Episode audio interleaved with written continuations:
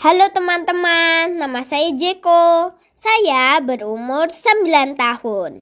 Akhir-akhir ini saya ingin tahu, ada tidak orang Indonesia asli? Untuk cari tahu, yuk kita ngobrol-ngobrol dengan Om Kris. Om Kris adalah seorang dosen di Fakultas Hukum Universitas Indonesia. Yuk kita langsung ngobrol dengan Om Kris. Halo Om Kris. Halo Ceko. Om Kris, manusia Indonesia asli itu ada atau tidak ya? Ya, sebelum Om Kris menjawab ada atau tidak, Om Kris harus berangkat dulu bagaimana muncul istilah manusia asli Indonesia.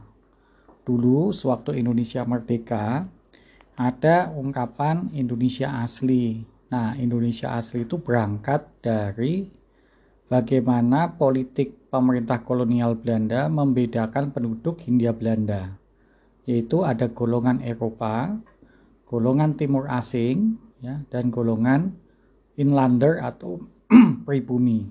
Jadi, sewaktu Indonesia merdeka, ada seruan untuk bagaimana menjadikan negara ini terutama sekali adalah untuk melayani atau untuk kepentingan masyarakat Indonesia asli. Baru setelah tahun 2014-an, lembaga Eijkman ya, jadi lembaga yang meneliti genetika, genetika itu faktor keturunan ya. Jadi orang itu bisa dilihat keturunannya bagaimana. Melakukan cek DNA secara uh, sungguh-sungguh dari berbagai macam orang Indonesia yang tersebar penduduk di Indonesia dicek darahnya itu apakah memiliki keunikan atau kesamaan dengan penduduk lain di dunia. Nah, salah satu uh, timnya itu adalah namanya Bu Hera Supolo. Ya. Beliau setiap tahun mengajar di mata kuliah yang Om Kris juga ngajar. Jadi Om Kris mengajar, nanti Bu Hera juga mengajar khusus satu hari. Setelah itu Om Kris yang mengajar. Nah, Bu Hera sebagai salah satu ahli, beliau dokter, mengatakan bahwa genetika manusia Indonesia sangat beragam. Hal itu disebabkan karena posisi Indonesia yang berada di antara dua benua dan dua samudera. Jadi kalau secara genetika bangsa kita ini macam-macam. Tetapi ada suatu kecenderungan ya. Jadi ada satu kelompok genetika yang menonjol yang kemudian ter ter apa namanya terwujudkan di dalam budaya ya. Nah, budaya itu yang oleh banyak orang di luar negeri dikatakan adalah bagian dari keluarga kelompok masyarakat Austronesia dan Melanesia. Nah, orang-orang inilah yang sudah ribuan tahun mendiami Kepulauan Nusantara.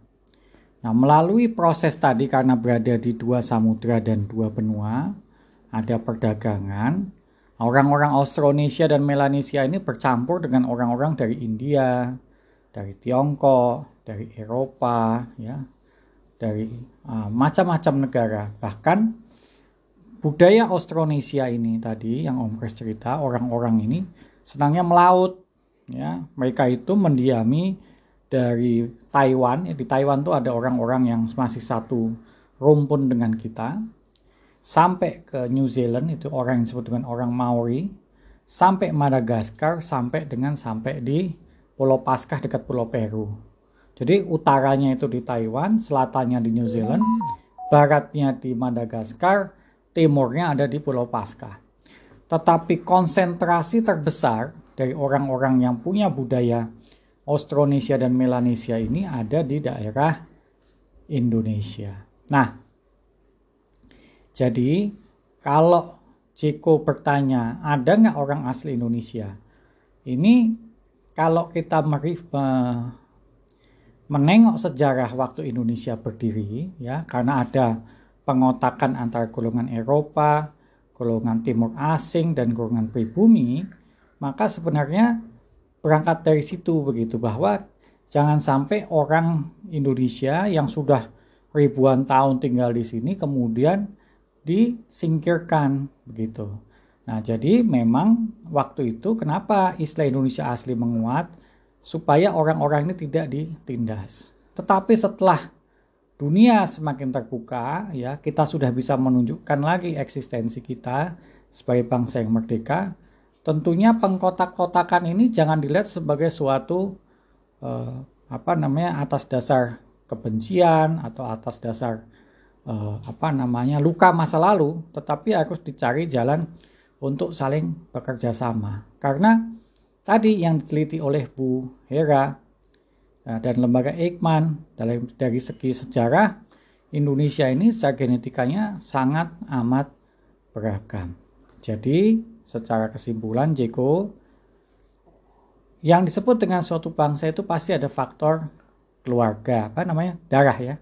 Kekeluargaannya ini ada nggak ikatan genetikanya? Ya satu itu. Kedua ikatan budaya ya. Kemudian ikatan politik. Politik itu apa? Ya satu kesatuan untuk bersama-sama. Nah ketiga proses ini hanya bisa kita lihat dengan jelas kalau kita paham sejarah jadi faktor sejarah itu yang menentukan bagaimana suatu keluarga kemudian berkembang menjadi suatu masyarakat atau kelompok bagaimana kelompok itu kemudian memiliki budaya yang mandiri dan bagaimana budaya mandiri itu kemudian diakui sebagai suatu entitas atau kesatuan politik atau kesatuan kita sebut sekarang sebagai negara. Negara dan di situ ada bangsanya. Begitu Jeko penjelasan dari Om Kris. Terima kasih Om Kris. Kapan-kapan kita ngobrol lagi ya.